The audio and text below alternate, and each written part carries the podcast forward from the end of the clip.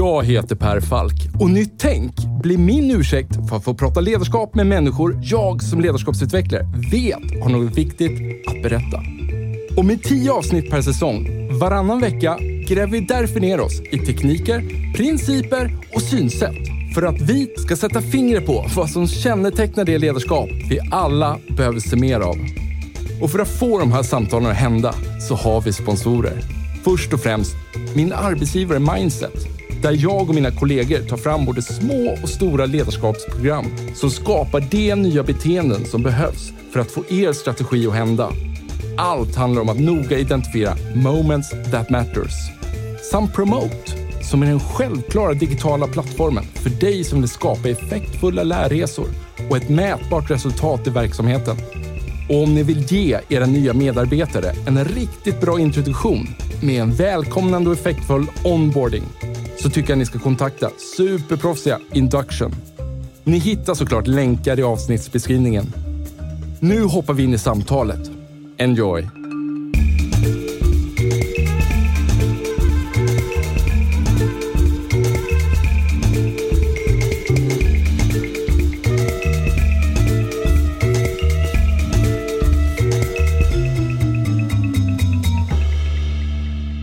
Jag läser en hel del eh, facklitteratur inom ledarskap för att jag är en ledarskapsnörd. Jag tycker det är roligt. Det är bra. Eh, jag, eh, men så här, hela tiden man söker lite nya vinklar, hur framar sitt budskap och ibland snubblar man också över en helt ny förklaringsmodell som jag gillar och, och försöker få in i det jag pratar om. Och min fru, Anna då, hon känner väl inte riktigt samma fascination. Men hon, hon leder ju på gehör, jätteduktig ledare och hon måste ju göra det. Jag springer runt och leker ledarskap som konsult. Hon måste ju leda på riktigt. Men sen en dag så hittade hon en bok på mitt skrivbord som hon började bläddra i. Och det var din bok, Klas. Challengers företagen som ritar om kartan.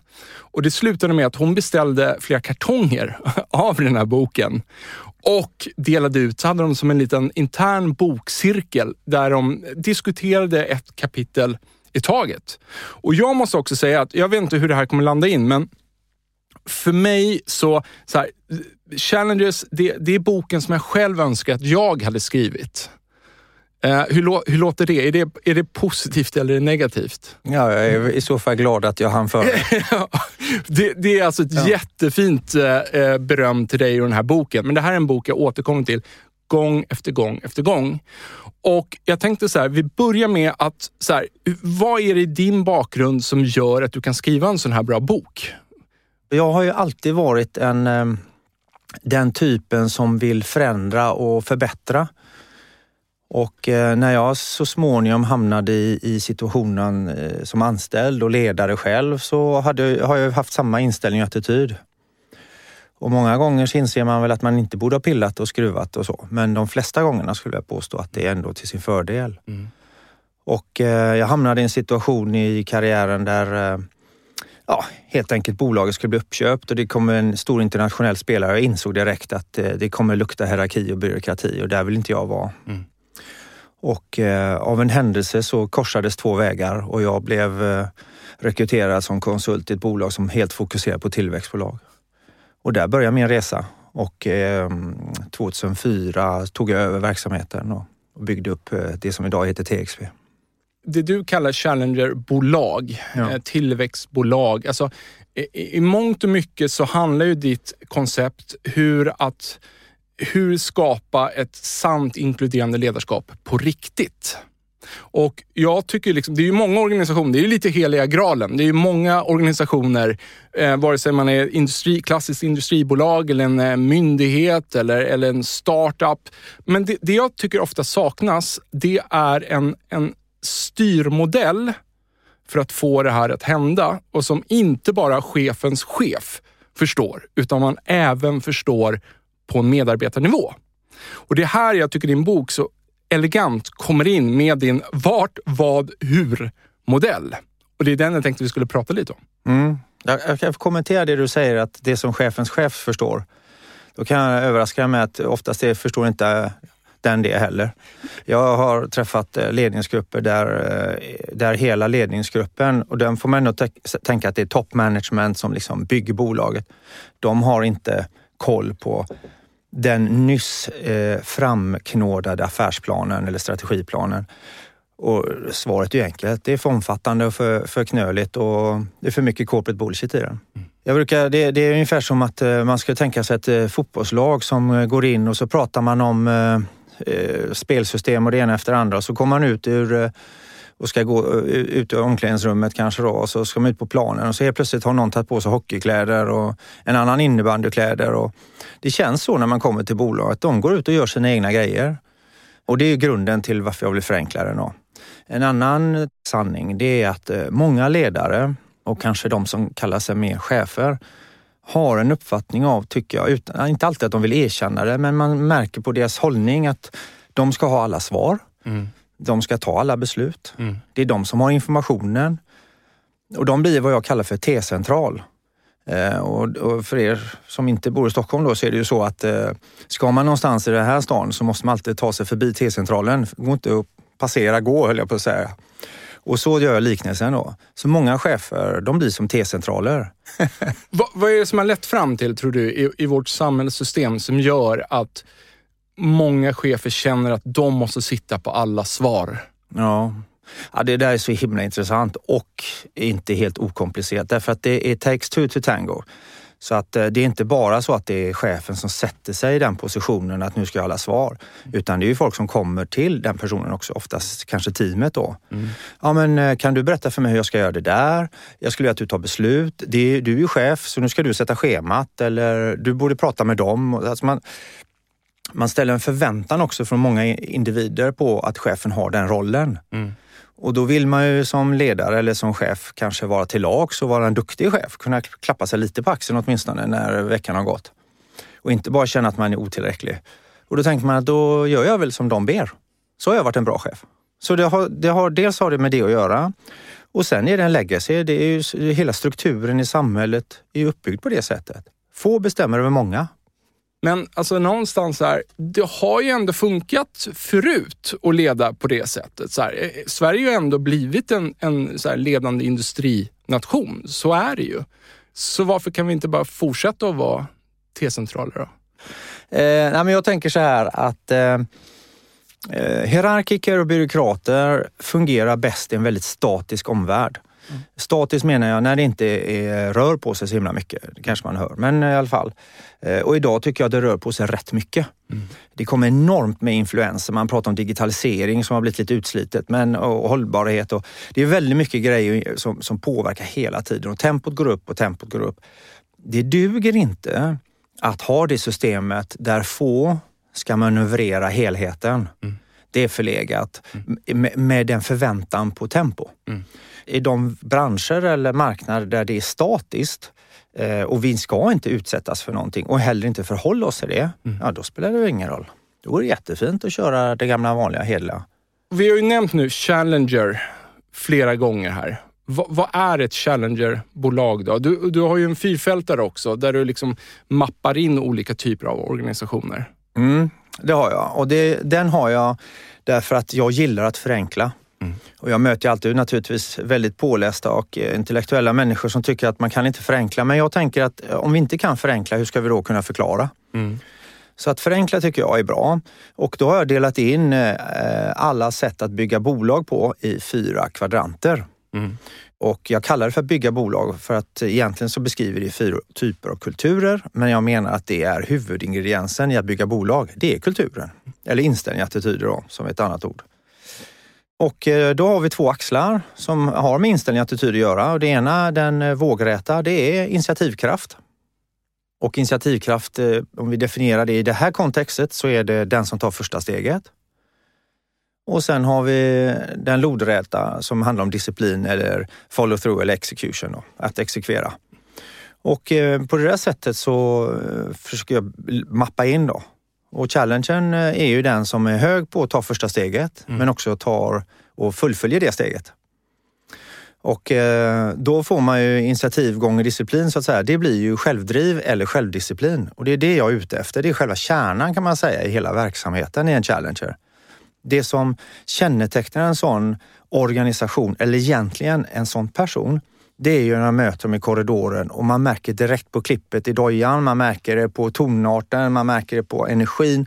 Man bara märker det. Mm. Det bara är så. Atmosfären. Ja. Var ligger den stora massan? Ja, ja men det är ju en eh, superbra fråga för den, den, alla blir ju nyfikna.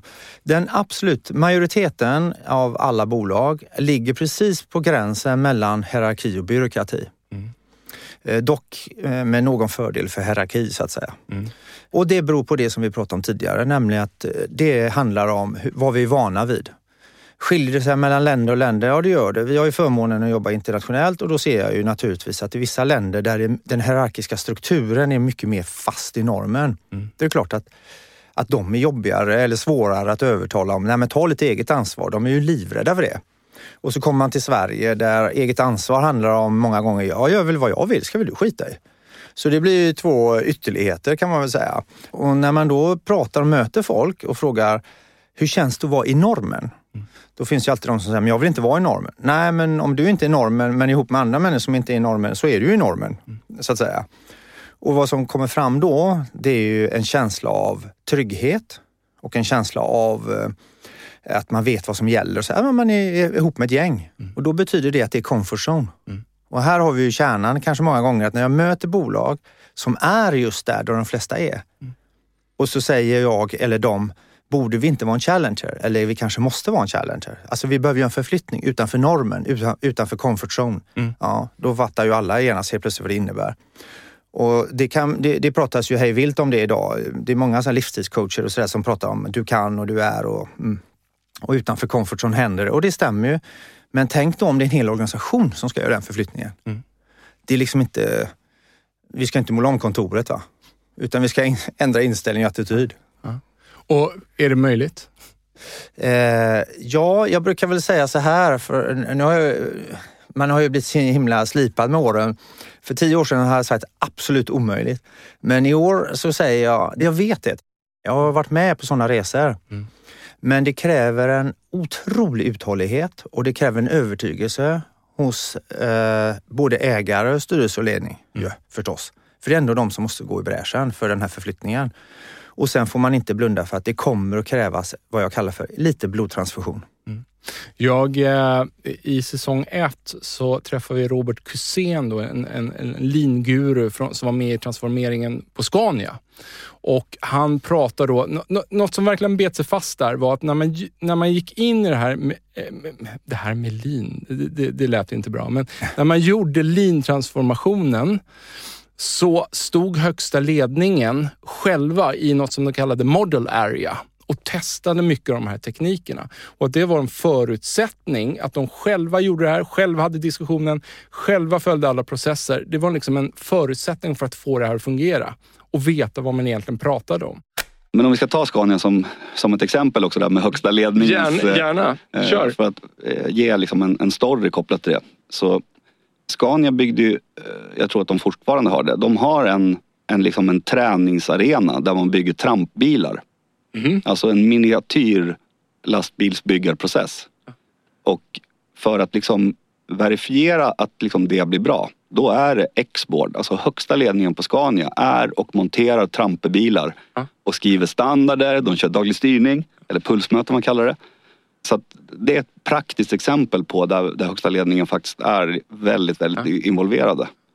Men jag skulle säga också att det är, alltså Leif Östling förstod väldigt, väldigt snabbt, han har sagt det själv också, när han var till Ken, Toyota Kentucky-fabriken, att han, fabriken, att han, han sa så här, jag ser att det här är något helt annat, men jag förstår inte vad det är jag ser. Och, och då liksom, du vet nyfikenheten att liksom eh, knäcka koden. Och Leif Östling var ju på något sätt garanten under de här liksom, nästan 20 åren liksom, mm. som Scania gjorde resan. Och jag tror att det var många andra chefer inne på Scania som var det, ska vi verkligen fortsätta det här? Vi ser ju liksom inte effekten. Nej. Det här övertygelser och eh, förmåga att förstå vad det faktiskt är. Ja. Att liksom hålla fokuset genom liksom hela förändringsresan. Det är otroligt viktigt. Det låter som en uppenbarelse eh, för dig och eh, det är det nog för många. Men för mig är det så här att ja, att vara en förebild och veta vad man snackar om på en good enough-nivå och veta vad man håller på med, det är väl ändå hygienfaktor. Men jag inser att så är inte fallet. Och det tror jag också är, apropå fallgropar för ledarskap, det tror jag är en av eh, många ledares liksom rädslor. Att man inte kan allting och har inte alla svaren och så knyter det sig. Vad skulle du säga, vad, vad är framgångsfaktorn? Vi kan ju prata mer, lite mer om det sen, men, men för de då som lyckas göra en förflyttning. Du säger involvering från högsta ledningen. Ja. Så här, involvering på vilket sätt? Ja, alltså eh, om vi nu tar en affärsplan som ett exempel. Mm. Så satt jag igår och försökte övertyga ett gäng om att ni måste skriva eh, det ni skriver så att vem som helst förstår det. Mm. Så ansträng er inte att försöka vara smartare än vad ni är. Nej. Och använd inte svårare ord än ni förstår. Så kommer alla att förstå det. Mm. Och sen så tänker jag att jag befinner mig en bit ut i organisationen och jag ska nu ta ett, som jag kallar för klokt beslut, som är viktigt för helheten. Vad ska jag hålla mig i? Mm. Ska jag gå och fråga en chef? Eller finns det någonting som ni kan berätta för mig så att jag tar det här kloka beslutet själv? Mm. Det är där slaget står. Men sen tycker jag att det finns en, eh, jag tycker mig ana att det finns en liten, vad ska jag kalla det för, missuppfattning runt inkluderande. Ja. Eh, som jag tänker handlar om att eh, det är mitt ansvar att inkludera dig. Ja. Men det är lika mycket, tycker jag då, eh, bort från missuppfattning, det är ditt ansvar att inkludera dig själv. Så återigen, det är en fråga många gånger handlar om, sitter du i baksätet eller sätter du dig i framsätet och tar tag i ratten?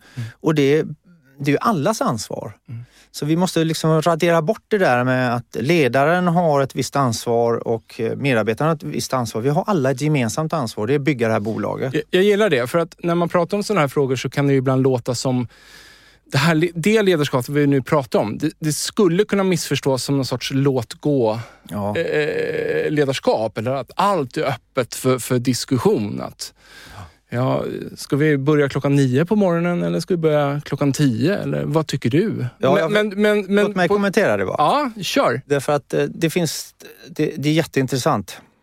Jag pratar ju om självdrivande medarbetare. Jag pratar om att den teknik man använder, det är inkludera och facilitera. Mm. I många länder, då de som är mest hierarkiska i sin struktur, de förstår ju inte det här överhuvudtaget. De tycker till och med att det är dåligt för chefen ska ta beslut och så. I Sverige möter jag ju ofta precis tvärtom. Eh, Många som tar, eh, vad heter det, tar, utnyttjar möjligheten. Jag hör chefer eller ledare som säger, ja men det där kan du väl klara av själv, du är ju självdrivande. Men jag hör lika många mm, teammedlemmar som säger, vad gör du här? Jag är ju självdrivande, jag klarar mig själv. Så att man har liksom överutnyttjat friheten. Och därför finns det två saker som jag alltid tar upp. Det, det ena är att demokrati är tidsatt. Mm.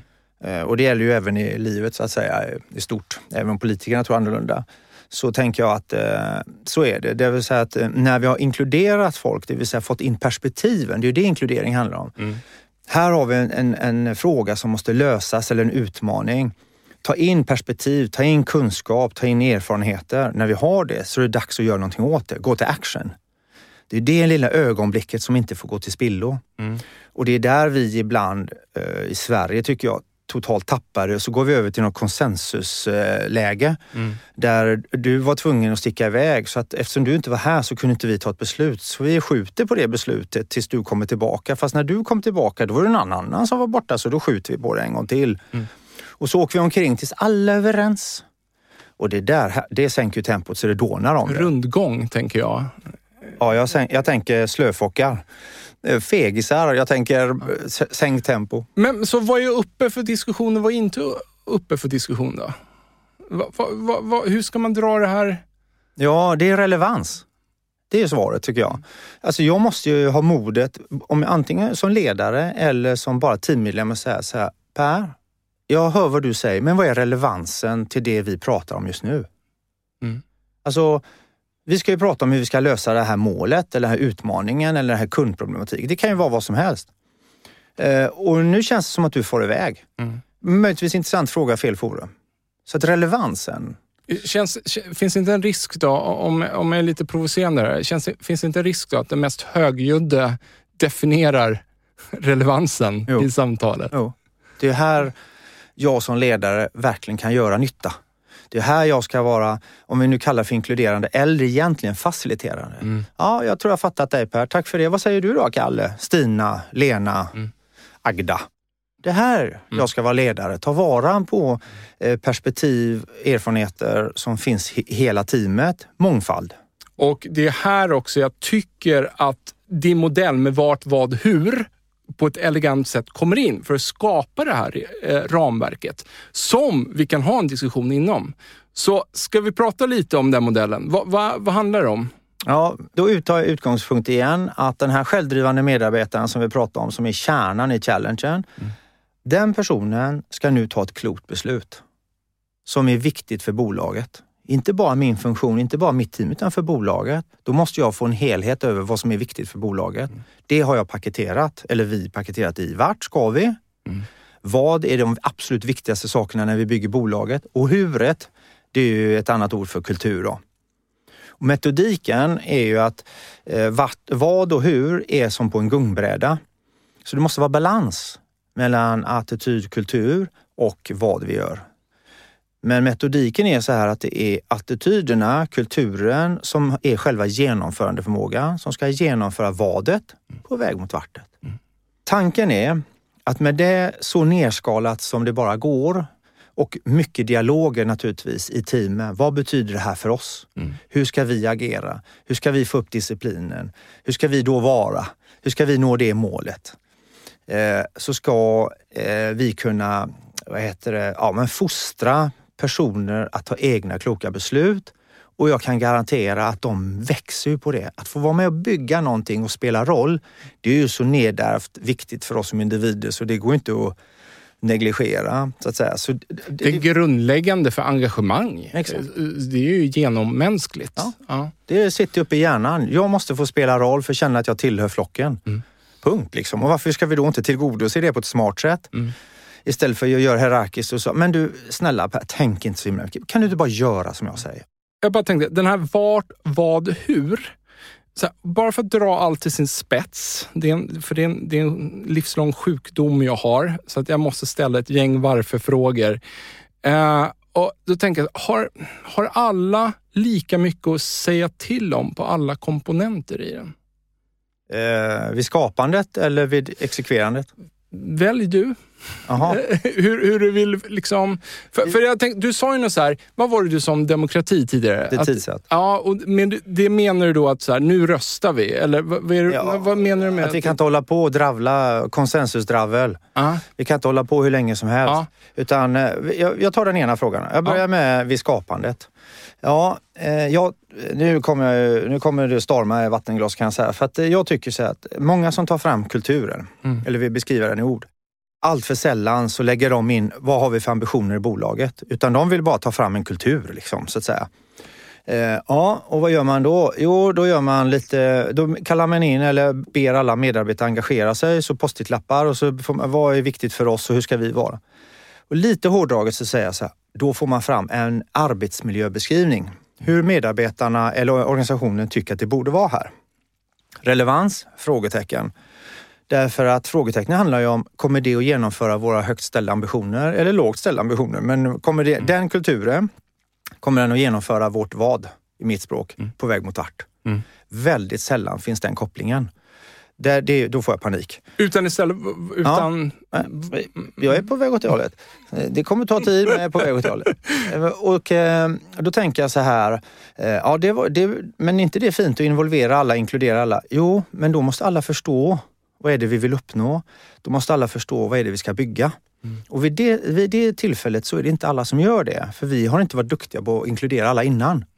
Så då blir det lite, okej, jag frågar dig, men eftersom du inte riktigt vet vad våra ambitioner och sånt är, så hur ska jag hantera dina svar? Om de visar sig vara out of line. det, det kanske blir lite för mycket... Så här, vi, så här, det är ju en viktig del, men det kanske blir lite för mycket så här, trivsel på jobbet. Exakt. Och någonstans så tänker jag så här, att, ja, och det är ju jätteviktigt, men det ska också korrelera med åt det håll vi ska åt. Och alla helst ska ju det liksom lyckas smälta ihop på något sätt. Men du, häng kvar, ta en krok på trivsel på jobbet och eh, eh, det här med social trygghet och så. så ska jag ta ett varv runt det också tänkte jag. Men eh, i alla fall, då tänker jag så här att ägare och styrelse sätter ju ändå ramarna för vad vill man med bolaget? Vad har man för ambitioner med bolaget? Mm. Och sen så tar ledningen vid. Och är det en riktigt aggressiv ledning så är det ju de som talar om för styrelsen och för ägarna, nej vi vill så här mycket istället. Det tycker jag, jag älskar när det är så. Eh, ja, och där någonstans sätts man i ramarna. Och ramarna för mig, det är vart, vad och hur. Mm.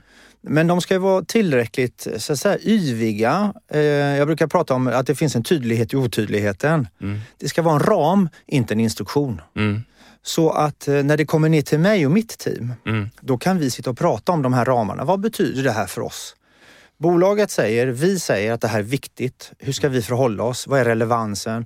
Då kan det bli sjukt intresserande- äh, intressanta diskussioner. Och sen när vi vidgar det till ett annat team och säger, hmm, vi jobbar ihop med dem där, så låt oss höra hur de ser på relevansen och vad som är viktigt för dem. Mm.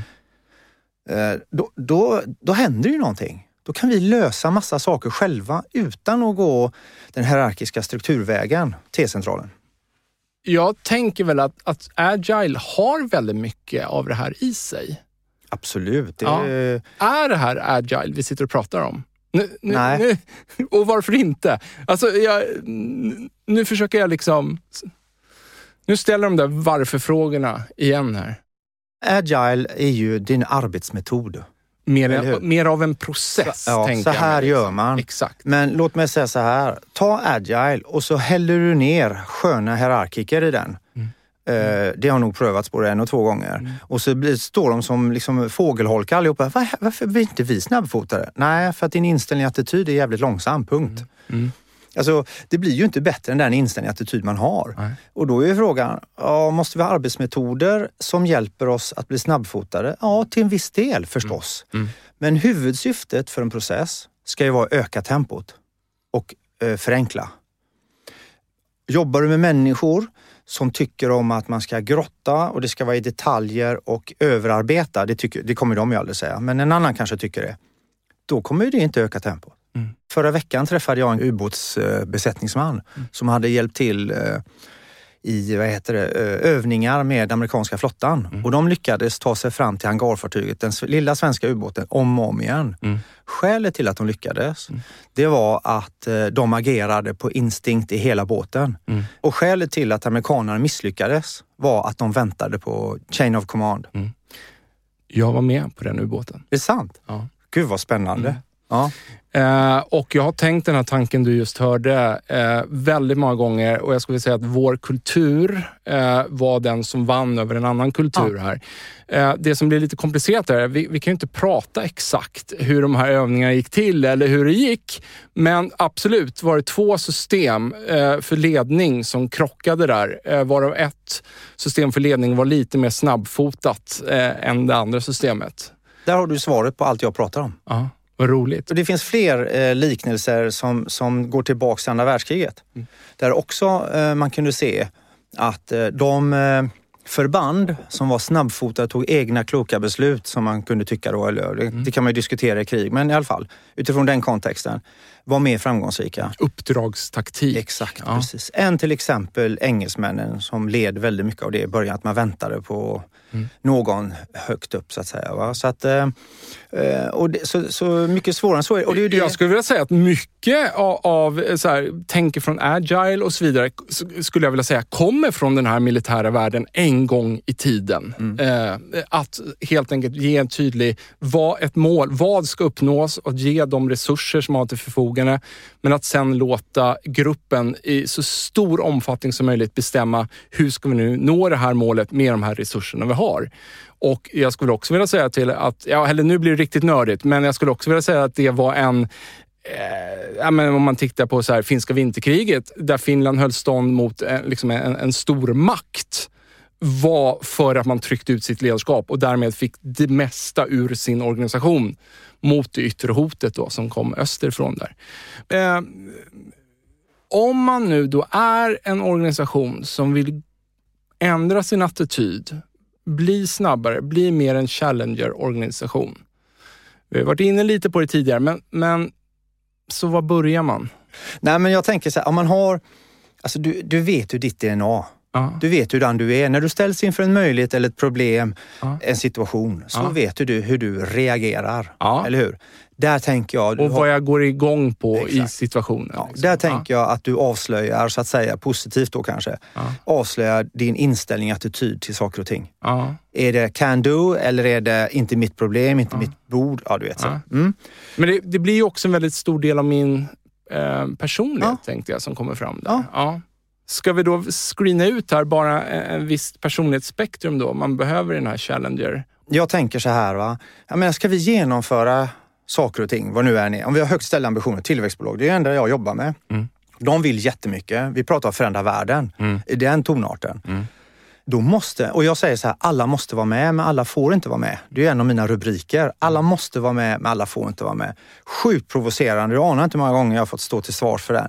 Men jag menar på fullt allvar, om inte alla vill förändra världen, om inte alla känner passion för det vi ska göra, har vi råd Att ha människor som inte känner det jag känner när vi ska göra det vi ska göra? Gör vi det på olika sätt? You bet. Då har vi introvert och extrovert. Och I love it. det, det kan ju vara så här att eh, ja, det sitter en introvert person och knåpar på någonting men känner samma passion för det vi gör. Har samma inställning, attityd till att ta tag och lösa saker men det syns inte på samma sätt. Nej men det är ju inte det. Eh, Om, det. om världen skulle bestå av extroverta personer så skulle det ju bli sjukt Men, konstigt. men här, det var liksom det ordet passion, det var det jag saknade här. Eh, Varför det- sa du inte det då? Eh, ja, men det blir lite som den här eh, sketchen, Fred, det alla barn önskar sig mest i världen. Det är nog yngre lyssnare som inte fattar vad jag pratar om nu, men det får vara så. Eh, exakt, och så, här, så, så det som förenar är passionen för, för liksom att åstadkomma någonting. Och jag gillar hur du säger att olika personlighetstyper kommer ha lite olika vägar fram. Men man förenas i den här passionen och då kanske det är mångfalden där som, som blir styrkan i att få det här att hända. Eh, jag tycker så här att några centrala bärande punkter i dina resonemang handlar ju om tillit och feedback. Och jag tänkte så här, om vi bara stannar upp och pratar lite om det. Vad är tillit för dig? Och, och varför är det viktigt för, för den här typen av organisation? Och för alla organisationer kanske, skulle jag vilja hävda. I receptet hur man bygger ett bolag eller en challenger så finns det vissa saker, ingredienser som jag tänker att vi som bolag kan ta ansvar för. Och då pratar jag om eh, mål och målstyrning, jag pratar om ramar, jag pratar om tydlighet, jag pratar om instant feedback, alltså omedelbar feedback. Och då är det två saker där. Det ena är ju på beteenden och det andra är på eh, prestation. Och sen har vi transparens, information, kunskap har vi pratat om. Mm. På den andra sidan som har mycket mer med dig att göra, som du måste jobba på. Och när jag säger du, då menar jag alla vi i bolaget. Då är det mod, tillit och nyfikenhet. Så de tre ingredienserna måste var och en av oss gå och fundera på, jobba på, träna på. Och då tänker jag att tilliten, det är ju ändå kärnan i alla relationer. Ska den här intervjun rocka, ja men det, det är ju någon tillit ändå mellan dig och mig. Och eh, mellan mig och min hund och mellan mig och min familj och mellan mig och de jag, Eller hur? Tillit är ju kärnan. Eh, och, och det är ju svaret på det. Det är så självklart svar. Ofta pratar man om psykologisk säkerhet också. Är det, är det likställt med tillit, enligt dig?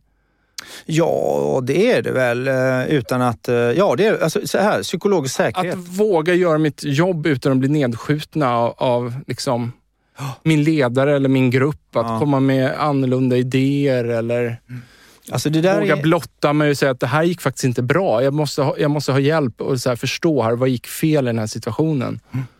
Det är ju absolut en trygghetskänsla. Det är en, den bygger på tillit. Att vi till exempel omfamnar misstag som en del av framgången. Att, vi, att vi omfamnar det och säger att eh, vi kan inte bli framgångsrika med mindre än att du har gjort några misstag. Det är viktigt att vi lär oss, eh, funderar på, tar in fler perspektiv och ser om det kan öka tempot för oss. Den lärdomen så att säga. Psykologisk trygghet, det tänker jag, ju tajtare kultur vi har, alltså ju mer eh, lik kultur vi har. Som, alltså, man samlar eh, flera hundra människor som har ungefär samma inställning till saker och ting. Till kunder, till tempo, till mål, av vad nu än är. Desto mer trygghet borde man ju skapa i en sån miljö, eller hur? Men tvärtom, ju mer, eh, ju mer liksom eh, olik kulturen är så vet man inte riktigt vad är det som gäller här. Mm. Får man göra misstag? Eh, får jag göra det så här fort? Mm. Jag har en kollega som hade en före detta kollega som började jobba på en kommun. I, hon efter två veckor blev liksom konfronterad av arbetskamraterna på kommunen. Mm. Inte chefen, utan arbetskamraterna som sa till henne, du, nu får du lugna ner dig lite grann. Du gör lite för mycket på lite för kort tid. Alltså, ah, mm, du vet, man får ju panik. Ja. Men då skapas ju en psykologisk otrygghet därför, för, som handlar om att psykologisk trygghet där, på den arbetsplatsen, handlar om gör så lite som möjligt på så lång tid som möjligt. Tolkar jag det som. Mm. Så att det är för lätt att säga att vi ska eftersträva psykologisk trygghet med mindre än att vi också pratar om vilken typ av psykologisk trygghet ska vi ha nu? Läskultur, för mig är det ett annat ord, mm. som är anpassad efter vad vi ska genomföra. Mm. Så det liksom snurrar tillbaks hela tiden till attityd och inställning. För att, att jobba metodiskt på tilliten så använder vi en liknelse. Vi använder ett vattenglas, ett glas med vatten och så säger vi om vi ska fylla det där glaset med vatten så fylls det droppe för droppe och så småningom fylls det. Okej, okay, fylls det lika med mycket tillit så säger vi då. Mm. Varje droppe representerar en, en handling. Mm. Inte ord, inte bla bla bla bla bla, utan saker jag gör som skapar tillit hos dig. Då kan jag rita det glaset på en whiteboard eller ett blädderblock eller vad som helst och så säger du, Per nu, nu sätter vi oss ner, du och jag är helt team, det spelar ingen roll vilken kontext. Mm. Låt oss gå laget runt och se, vad, är, vad representerar en vattendroppe för dig? Ja, det är att man är ärlig. Härligt, skriv ärlig. Ja, det är att man håller vad man lovar. Håller vad man lovar och så bara fyller man på. Mm. Då har vi fått gruppens eller parets uppfattning om vad som skapar tillit. Sen kan man ju dyka i det med ärlighet. Så säger du, kan inte du berätta, vad betyder ärlighet för dig? Finns det gränsvärden för det? Får jag till exempel säga till dig, du det där var nog den fulaste skjorta jag sett på länge. Det kanske är ärligt, men var det relevant? Mm. Så här kan ju vi ju hålla på och laborera som team, mm. eller som individer, eller som en hel organisation. Mm. För att sätta gränsvärden för vad är tillit för oss? Mm. Och så måste vi sätta det i kontext. Är det viktigt med tillit för att bygga det vi ska bygga? Ja, det är givet, men vi behöver ändå göra den resan. Och det i sig skapar mod. Så har vi tillit till varandra, då vågar ju jag göra lite till. Jag vågar komma med kanske ny feedback. Jag kanske vågar till och med vara lite skarpare den här gången. Jag kanske till och med vågar göra ett misstag, gud förbjude så att säga. Då. Det vill säga och vet att Claes, han kommer inte lacka över för han har ju pratat om att misstag är en viktig del av det här med tillit. Och skulle det vara så att jag har hamnat eh, fel den dagen så att jag lackar ur, då ska ju du ha tillräckligt med mod och kunna säga, men vänta nu Claes, när vi pratade om tillit så sa ju du att Ja, fan förlåt, det, det var tokigt av mig. Det är klart att det ska vara så. Därför att vi alla kan göra misstag och ha ena hjulparet utanför vägrenen så att säga. Ja. Så det, då skapar tilliten skapar modet mm. och därmed också kommer nyfikenheten. Det vill säga var nyfiken på att testa gränser, var nyfiken på att eh, göra det okända, pröva det okända. Eh, och det är det vi behöver i en challenger. Mm när du pratade om eh, den här hypotetiskt fula skjortan eh, tidigare. Såg du den här eh, franska spionserien ja. som... Eh, kommer du ihåg det här med slipsen? Spionchefen där. Det är ju en fantastiskt bra serie. Fantastiskt bra serie. Jag älskar den. Men han, chefen för den här avdelningen som har agenter ute i världen då, som lever under falsk identitet. Han hade ju alltid så här jättefula slipsar på sig. Och nu nickar du, men jag förklarar för lyssnarna här då att då då var väl de, om jag minns rätt, så att alltid när nya, nyanställda kom in på den här eh, undercover-avdelningen som sjukt realistiskt måste man säga att de ändå berättar den här storyn och hur det skulle kunna fungera på den här avdelningen. Men då börjar han ju pressa de här nyanställda. Så här, du, by the way, vad, vad, tycker du om min slips? Och det skulle ju kunna vara liksom, han sitter där med kostymen så har han en slips med, jag vet inte, jultomtar på eller renar eller någonting. Och eh, då skruvar ju sig den här nyanställda lite och eh, ja, eh, intressant eh, liksom. Så här, ja, men, så här, tycker, tycker den passar in till, till min kostym liksom. Och så pressar han dem vidare. Och till slut så säger han, men kan vi inte bara enas om att den är skittöntig och, och ful? Och den nyanställda nickar. Jo, men så är det ju faktiskt. Och så bara, Bra. Den här slipsen är en symbol att jag alltid vill höra sanningen. I alla lägen så vill jag höra din sanna bedömning. Och sen går han runt med den här eh, som en Markör. markör. Och jag tänker, man har hört liknande grejer. Myten säger att på Amazon till en början så hade de dörrar som skrivbord som stod på dock, eh, bockar. För att de kom på att det var liksom billigare att köpa in dörrar som skrivbord än att köpa in skrivbord. Och, och det blev då markören till att så här, tänk annorlunda. Ja, om det har varit så eller inte. eh, Det spelar ingen roll. Det spelar ingen roll. Det är en bra Det historia spelar- i alla fall. Exakt, Ja. det spelar verkligen ingen roll så länge den styr oss i våra beteenden åt rätt håll. Ja. Och vad kommer feedback in i det här då? Mm. Bra, då är det så här. Jag kan hända vara ensam i världen om detta, men jag har gjort en och annan grej i livet som jag med bästa intentioner har gjort. Men utfallet har blivit väldigt konstigt och märkligt och ibland helt jättefel. Mm. Och i många fall så har ingen berättat för mig det. Utan jag har gått, glatt gått vidare i livet eh, lite trallandes där och tänkt att eh, joppa i dig, joppa idag. Eh, Men så småningom då när man börjar jobba och prata om det här så sägs det du, när du sa så där eller gjorde så där så reagerar jag så här eller jag tror att det blev så här. Oj, det hade jag ingen aning om. Fan, det där måste jag ju ändra på. Då kommer en insikt till mig att det där var inte min ambition och intention. Bort med det. Gör om, gör rätt. Det handlar instant feedback om. Men, så det är beteenden. Och jag lägger till ordet instant, eller vi lägger till ordet instant, därför det måste ske nu. Du kan inte vänta ett kvartal för att det är obehagligt eller någonting. Eller någon typ av, ja, vi ska ju utvecklingssamtal en gång per år har någon bestämt. Så att nu väntar jag tills dess. Så du Per, eh, kommer du ihåg i januari förra året? Då gjorde du det här och jag tycker inte det är så bra. Och det, du bara, skulle, det skulle inte kännas bra. Eh, om man satte mottagare. Liksom. Nej. Nej. Och därför kommer du inte få höjd lön. Man bara, äh, va? Vad händer nu? Eh, och jag med, kanske hårdrar det eller inte dessvärre. Så att, då tänker jag så att ju snabbare, och nu, nu måste jag ju dra liknelsen till hunduppfostran för det är precis så här det är. Ja. Eh, för jag, gått- jag gick så här, för många år sedan gick jag hunduppfostringskurs och det roliga är att när hon skrev, eh, hon som höll det, skrev det här är viktigt att tänka på när du uppfostrar en hund. Så tog jag upp min bok och så tänkte jag, fan det står ju samma sak ju.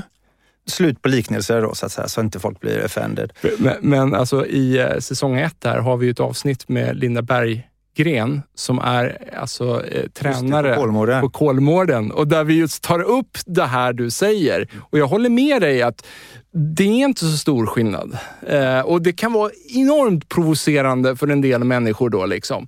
Men, men eh, återigen, just det här metodiken hur vi formar nya beteenden runt omkring oss skulle jag vilja säga är väldigt högst eh, tillämpbar.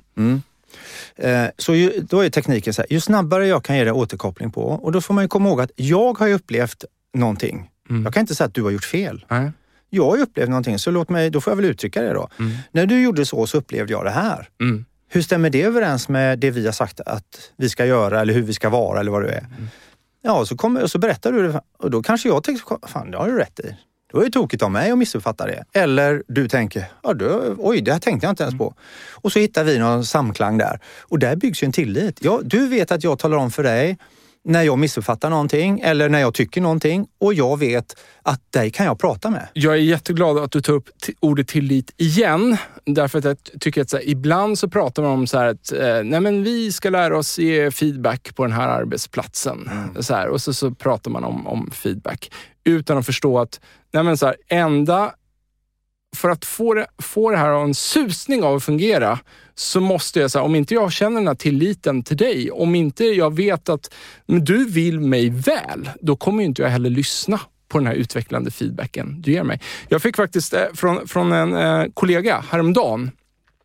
Hon eh, kom till mig och så sa hon bara, nej men du, när du skrev så här i, i mejlet så kände jag så här och det kändes inget bra. Och jag blev, så här, blev jätteglad att hon kom och sa det.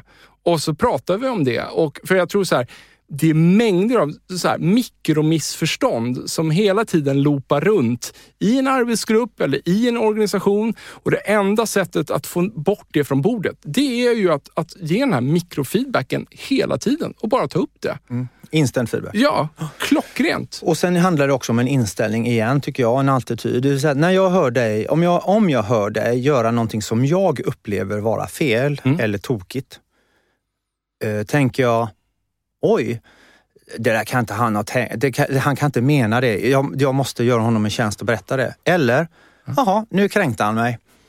Nu är det dags att bli skitkränkt och ta illa upp. Jag, jag tänker mig så här att principen assume good intentions är väl rätt bra att ha i, i ryggraden där kanske. Ja, det tycker jag med. Men du, när det kommer till instant feedback så är det två perspektiv. Det ena är då beteenden och den är superviktig eh, och utgår från mig själv. Men vi måste ha någonting att hålla oss i så att det inte är Klas som tycker att Per gör annorlunda eller fel. Utan utifrån någonting, och då är jag tillbaka till vart, vad och hur-modellen. Så som vi har pratat om i våra mål eller så i våra attityder så ska vi ju vara så här. När du öppnade dörren och gjorde så här så här så kan inte jag riktigt se hur det hänger ihop med det vi har kommit överens om. Kan inte du berätta för mig? Då finns det en relevans. Annars är det Klas som tycker någonting om Per. Och vad är det då som gäller? Ja, då skulle jag kunna dra mitt chefskort. Eller jag har varit här längst-kortet. Eller jag skriker ännu högre än dig-kortet. Eller jag kan till och med platta till dig-kortet. Så att eh, återigen, eh, styrmodellen är relevant för alla oss och då underlättar den att ge eh, instant feedback på. Och instant feedback handlar också om då prestation. Och där är ju det här med OKR eller målstyrning som kommer in nu som jag tycker är så himla viktigt. Är den hierarkiska strukturen, målstyrning, där behövs ju inte, även om de kämpar med. Därför de har chefer som talar om vad som är rätt och fel och de instruerar på instruktionsnivå. Men fan ska, vad ska man med mål till då?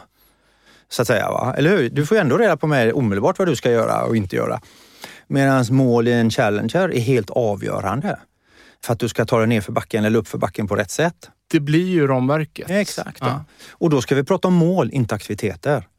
Det är målen som är intressanta, inte aktiviteterna för att ta sig till målen. För om jag som chef eller ledare ska lägga mig i och styra dig utifrån de aktiviteter du gör. Jaha, hur vet vi att de är relevanta om två veckor, de aktiviteter du bestämt dig för att göra? Nej, målet är fortfarande relevant. Målet är inte förhandlingsbart. Vägen dit är definitivt förhandlingsbar. Så låt mig inte styra dig eller du ska styra dig på aktiviteterna. Du ska styras av målet och effekterna. Det gör ju också lite lättare för en arbetsgrupp att kanske bara ändra sin inriktning lite efterhand. Då. Om man märker att så här, vi kommer inte nå målen här. Det ska inte bara underlätta, Ja, nej, men nej, jag, jag, det ska provocera fram just det. jag, jag, jag, jag förstår det, men jag tänker mig i många organisationer så kan det ju vara så här att om man plötsligt vill ändra inriktning, då kan det ju framstå som att ja, men ni verkar ju inte veta vad ni håller på med. Annars skulle ni ju inte vilja ändra inriktning. Därför att de pratar om aktiviteter. Exakt. De pratar inte om målet. Exakt. Så att då blir ju retoriken, okej, ja, men då kanske jag ska berätta för dig vilket mål vi jobbar efter, inte vilka aktiviteter vi jobbar efter. För nu är det så här att tekniken, den teknik vi pratade om för, om för tre månader sedan, den har ju blivit omsprungen av den här tekniken. Tycker fortfarande vi ska jobba på den här aktiviteten. Är det fortfarande smart? Åk till Arlanda på samma väg hela vägen. Ska vi se att de gör ett vägarbete en dag. Ska du fortfarande ta den vägen? Ja, men stanna där och vänta tills de är klara då. Knickedick. Det blir jag lite upprörd känner jag. Jag, jag kastar tillbaks den här äh, med, med, medicin, äh, vad säger man? medicinförpackningen jag fick Ja, av dig. ja. Äh, jag gillar det. Kan du inte bara förklara? Vad, vad, vad var det du kastade till mig här i, i början? Ja, du fick en, du fick en liten medicinförpackning. Den ser exakt likadan ut som Treo och eh, Ipren. Du kan hålla upp den framför kameran. det kan jag göra. Ja. Så här ser den ut i alla fall. Va? Och den här ger jag till människor och nu kanske jag behövde en själv kände jag. Och den heter Audentia Nova och Audentia, för er som är latinkunniga, vet att det betyder mod. Och då innehåller den här 25 milligram mod och det är för tillfälliga hierarkiska beteenden. Så att vi utlovar challenger-attityd inom en timme. Och på baksidan så står det också då att då, då finns det så här eh, dosering. Så är man till exempel en hierarkiker, ja men då behöver man nog tre tabletter. Är man en startup, då behöver man faktiskt två tabletter. Så att, eh, men sen så kan jag också berätta för er att eh, det står så här att den eh, innehåller eh, hjälpämnen, det är egentligen bara sugtabletter, vatten eller så.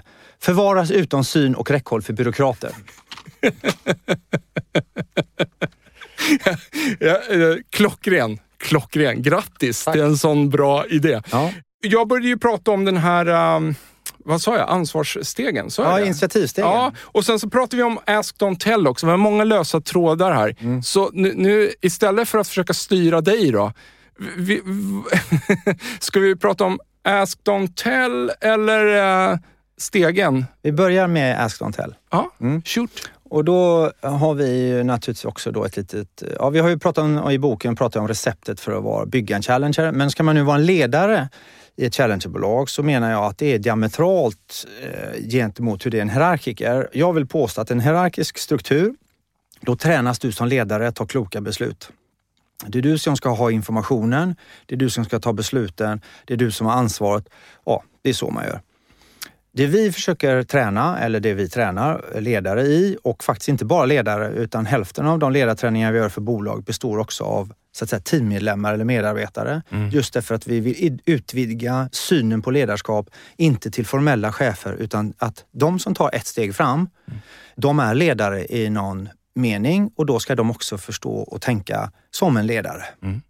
Och de ska ta med det till sina team så att ledarskap blir lite mer allmängods. I det receptet så har vi, du och jag pratat idag om, om inkludering och facilitering, att det är en av de viktigaste rollerna. Men syftet med att leda en challenger, det är att träna andra till att ta kloka beslut. Inte att ta dem själv. Mm. Så återigen, syftet är att träna andra att ta kloka beslut. Och hur ska jag göra det då? Jo, då måste du inkludera och facilitera. Mm. Och en metod vi använder som vi kallar för dialogloopen, i den ingår Ask Don't Tell. Och det handlar om att ställ frågor. Tala inte om för folk vad de ska göra. Fråga om det här är målet. Hur skulle du vilja lösa det då? På vilket sätt kan du göra det? Hur ofta kan du göra det? Jag vill se mer av det. Hur skulle det då se ut? Mm. Du, jag tycker tillit är viktigt. Kan du berätta för mig, vad bygger tillit för dig? Har du det för mig? Mm. Tycker du vi lever det? Det finns ju hur mycket frågor som helst. De enda frågorna som är förbjudna, det är stängda frågor. Och här har en liten, det är en liten rolig anekdot. Då. När, många gånger när man börjar med folk och träna det här och ställa frågor, då börjar de... Det deras första trevande steg är så här. Ja men eh, Per, då gör vi så här, eller hur? Ja, nu vet inte jag om det där var en öppen fråga då, men det blir lite lustigt sådär. Därför de tränar på att ställa frågor. Och där tror ju eh, vi alla, tror nog att vi använder de här öppna frågorna mer än vad vi kanske gör i verkligheten. Ja. Tänker jag mig. Därför att det kommer alltid med eh, hur, vad jag tycker och sen så klämmer jag till med en fråga på slutet för att vara lite inkluderande och det är ju tokfel ja, oftast. Precis. Ja. Och det är ju lite som vi pratade om det här med ubåten eller eh, militären eller alltså överhuvudtaget hela den här organismen, det är ett systemiskt tänk, mm. handlar ju om att ta vara på, kapitalisera på potentialen hos varje enskild individ. Mm. Det är bra människor som vill mycket, passionen. Mm. mm. Se till att ta, dra nytta av den, mm. men fråga dem hur vi ska göra det då. Mm. Tala inte om för dem. Nej. Det är ju helt galet. Vi var ju tidigt inne här att vi pratade om så att att det kan missförstås, så här, det här typen av ledarskap kan missförstås för mycket, det, för mycket tyckande och, och, och tänkande. Där. Och, så här, och vi kom fram till att det här, om det ska få, få det här att funka så behöver vi folk som tar ett stort personligt ansvar. Kan vi inte prata lite om initiativstegen? Jag har inte varit på ett enda ställe under de här 21 åren som inte blir kära i våran initiativsteg. Jag tycker den är skitbra, rent ut sagt. Ja, det är sju steg som beskriver vilken inställning och vilken attityd man har till saker och ting. När jag säger saker och ting så menar jag, det kan vara en möjlighet, det kan vara ett problem, saker som uppstår. Eh, alltså folk som tar ett steg fram och gör eller inte. Och, för, och då ska, vill vi ge ett verktyg till ledare och team att eh, liksom utforska hur har vi det i vårt team? Det är egentligen det det handlar om. Jo, vi ger dem ett konkret verktyg och flera av våra kunder, tack, alltså det är så himla roligt, de, de beställer färdiga stegar som de har på sitt kontor. Mm. Så tar de med sig en fysisk stege in på ett eh, teammöte så att säga. Amazon eller slipsen? Ja, exakt. Ja. Mm. Och så, du, jag tänkte vi skulle prata om den här. Och sen, du vet, handfast, enkelt hålla sig. Va? Eh, och den går alltså ut med att rama in i utifrån vart, vad och hur-modellen också. Man ska säga, hur hänger det här ihop nu med våran modell och det vi vill? Mm. Längst ner, då har vi folk som klagar. Och det vet både du och jag. Alltså det, man kan, du, de där borta, de är dumma. Kan inte du som chef, du borde säga till dem. Det är faktiskt ditt ansvar. Eh, eller så hör man att man aldrig får reda på någonting. Eller det, ingen har sagt det till mig. Det mejlet har inte jag fått. Det är typiskt. Så här är det alltid här på den här arbetsplatsen. Nästa steg, det är ju de som är tysta och passiva. Eh, som inte säger någonting. Och de blir man ju lite skraj för. Är det här bra eller dåligt? Så. Men vi tycker ändå att det är något mer bra energi än de som klagar. Eh, och sen har vi de som eh, kommer med ett eh, förslag. Liksom. Du vet, så här, men, eh, eh, någon borde väl ta tag i det här eller borde inte någon säga till? Med betoning på någon. Ja, absolut. Va? Så då, man kan säga att de ber om en lösning i alla fall. Va? Borde inte någon tala om för dem där borta? Sen har vi de där som då kommer med, ja men jag tycker man borde gå till dem och säga så här eller jag tycker man borde ringa till den där och fixa det där. Eller, ja, man, har en, man har någon liksom idé om i alla fall hur vi ska lösa det hela. Men det är absolut inte mitt ansvar. Det vill jag vara solklar med. Så att säga. Ja, eh, och sen så gör vi ett rejält hopp upp till eh, en eh, femte blir det ja. Då börjar man att göra. Mm. Så att man börjar att skruva lite grann, vad det nu kan vara. Vi kan, eh, låt oss fantisera om att eh, eh, jag tycker att samarbetet med teamet där borta är uruselt. Och från början så klagar jag bara på dem för de är idioter förstås. Va? Det fattar ju vem som helst. Eh, och sen så tycker jag att chefen ska gå och lösa det. Och sen så kan jag tänka, borde inte någon gå och prata med dem? Men nu börjar jag treva. Du Per, jag tänkte att eh, jag kontaktar dem och så pratar jag med dem kanske om det funkar sådär. Är det okej okay med det? Kan jag göra så här? Eller? Alltså jag börjar träva lite grann, men ganska snabbt är jag hos dig och får jag göra så här? Ja. Nästa steg, då har jag kommit ännu längre på den här resan. Då har jag till och med tagit kontakt med dem och kanske pratat med dem. Men jag är lite osäker fortfarande. Så då kollar jag med dig i alla fall, mm. lite senare på resan. Och det sista steget, eh, gör, gör klart så att säga, det är att jag, jag går och pratar med dem. Mm. Jag försöker lösa upp knuten. Mm. Jag till och med löser knuten tillsammans med dem mm. och eh, fix och färdigt, klart så att säga. Va? Men då kommer det viktiga också, då berättar jag för du Per, vi hade en fnurra på tråden. Eh, jag har tagit upp det med dem. Vi i samverkan har löst det, saken ur världen. Vi går vidare. Då har ju du ju förhoppningsvis som ledare tränat mig till att ta ett klokt beslut så att jag själv med mina drivkrafter tog tag i det dåliga samarbetet eller vad det nu är som inte funkar. Då är du högt upp i initiativstegen. Så vad gör de kunder som vill ha en fysisk stege då? Hur använder de stegen i mötet? Ja. Ställer de den mot en vägg ja. Eh, och, och sen pekar de på den ibland? Ja, precis. Till exempel. Eller, eller så här kan det också vara. Du, eh, jag tänkte att vi skulle prata om den här situationen som uppstod förra veckan eller igår eller vad det nu än är. Mm. Var någonstans tycker vi, eh, vi tillsammans som team, eller vad tycker du, hur tycker du att du hanterade den situationen? Mm. Vad, vad gick du in med för inställning? Du får ju ta ansvar för var du befann dig. Sen om det är rätt eller fel, det kan vi diskutera. Och sen så kommer naturligtvis klon egentligen. Okej, okay. eh, vad lär vi oss av den här diskussionen? Mm. Och vad ska du göra nästa gång en liknande situation uppstår? Var ska du befinna dig? Hur ska du agera? Jätteenkelt, jättegenialt. Ja. Grymt. Tack. Och sen så, det, det, du inte tror jag har sett, det är att det finns en magisk röd tråd. Glastaket som vi brukar prata om, det röda ja. glastaket. Ja. Mellan steget föreslå lösning och börjar åtgärda. Ja. Skälet till att vi har den där, det är för att vi vill åskådliggöra skillnaden mellan hierarkisk struktur och challenger. Jag vågar påstå och hävdar att initiativkraft i en hierarkiker handlar om att komma med förslag. Det är liksom top notch där. Det har varit så otroligt matigt. Och, och eh, men jag skulle bara vilja höra så här. Har du några små enkla knep och som du tror att alla lyssnare, oavsett vilken organisation de är i, kan börja använda imorgon? Vad, vad skulle det vara i så fall? Mm. Ett annat verktyg som vi inte har pratat om du och jag, men det kallar vi för kvitto. Kör. Och det handlar om följande. När du och jag har haft ett samtal så ska vi lite summera det här, eller hur? Mm. Som idag. Mm. till exempel. Mm. Eh, men det kan ju ha varit olika karaktärer på samtal. Det kanske är så att jag vill se mer av någonting mm. som jag tycker att du borde göra mer av här på mm. jobbet. Mm. Eller se mindre av, för jag tycker du gör för mycket dumma saker, eller vad nu än är. Men jag behöver ändå få, vi behöver summera och få ett kvitto. Det nio, nästan tio av tio gör, det är att om det är jag som håller samtalet så tänker jag så här, ja du Per, då uppfattar jag att vi gör så här och så här och så gör du så här och så gör vi så här. Okej? Okay? Och så går vi ut och sen så om vi blir intervjuade på utsidan så, och någon som säger, kan du berätta Per vad ni kom överens om? Så skulle du säga, uh, nja, kanske, jag vet inte, oklart. Och jag skulle säga, vi var överens om det här och det här och det här. Va? Ja. Kvitto för mig, det handlar om precis tvärtom. Om jag vill ha samtalet och liksom håller i samtalet, då vill jag att du ska berätta för mig. Och då, det kan kännas lite obekvämt, så då när jag själv var ledare så hittade jag på den här, så att säga, kändes, kändes mer klasig. Uh, du, det är rätt vanligt att jag blir... Eh, ja, men folk tycker att jag är otydlig. Kan inte du berätta för mig vad vi har kommit överens om? Klockrent. Och då får jag ett kvitto och då kan jag höra direkt, han har ju missat hälften. Ja. Eller du svävar på målet eller ja. Ja, nej men alltså, eller man får ju en, en spegling där. Liksom, så här. Vad, vad, har jag, så här, vad har jag förstått? Precis. Vad har jag missförstått? Och vad tar jag inte upp överhuvudtaget? Ja. Klo, klockren. Och då får jag en möjlighet att lägga... Ja, vet du, per, jag tänker så här också. Så när jag, när jag jobbar med guidning, vi kallar det inte för coachning, vi kallar det guidning med individer. Mm. Vilket är en stor del av det här. Mm. Då, är- efter alla samtal jag har haft Mm. så får den jag guidar i uppdrag att skicka ett kvitto till mig Mm. på mejlen. Mm. Och då står det så, jag vill bara i punktform. Vad är det vi har kommit överens om? Vad ska du göra? Mm. Då ser jag ju direkt.